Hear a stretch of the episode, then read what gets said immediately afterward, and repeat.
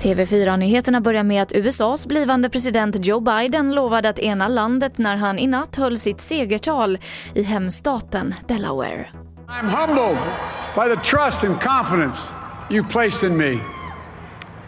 I pledge to be a president who seeks not to divide but unify. Who, doesn't see red states and blue states, only sees the United States. Så till Stockholm där något som misstänks vara en handgranat ska ha exploderat vid entrén till ett trapphus i Bromsten i natt. Området fick spärras av för en teknisk undersökning och det finns inga misstänkta i nuläget.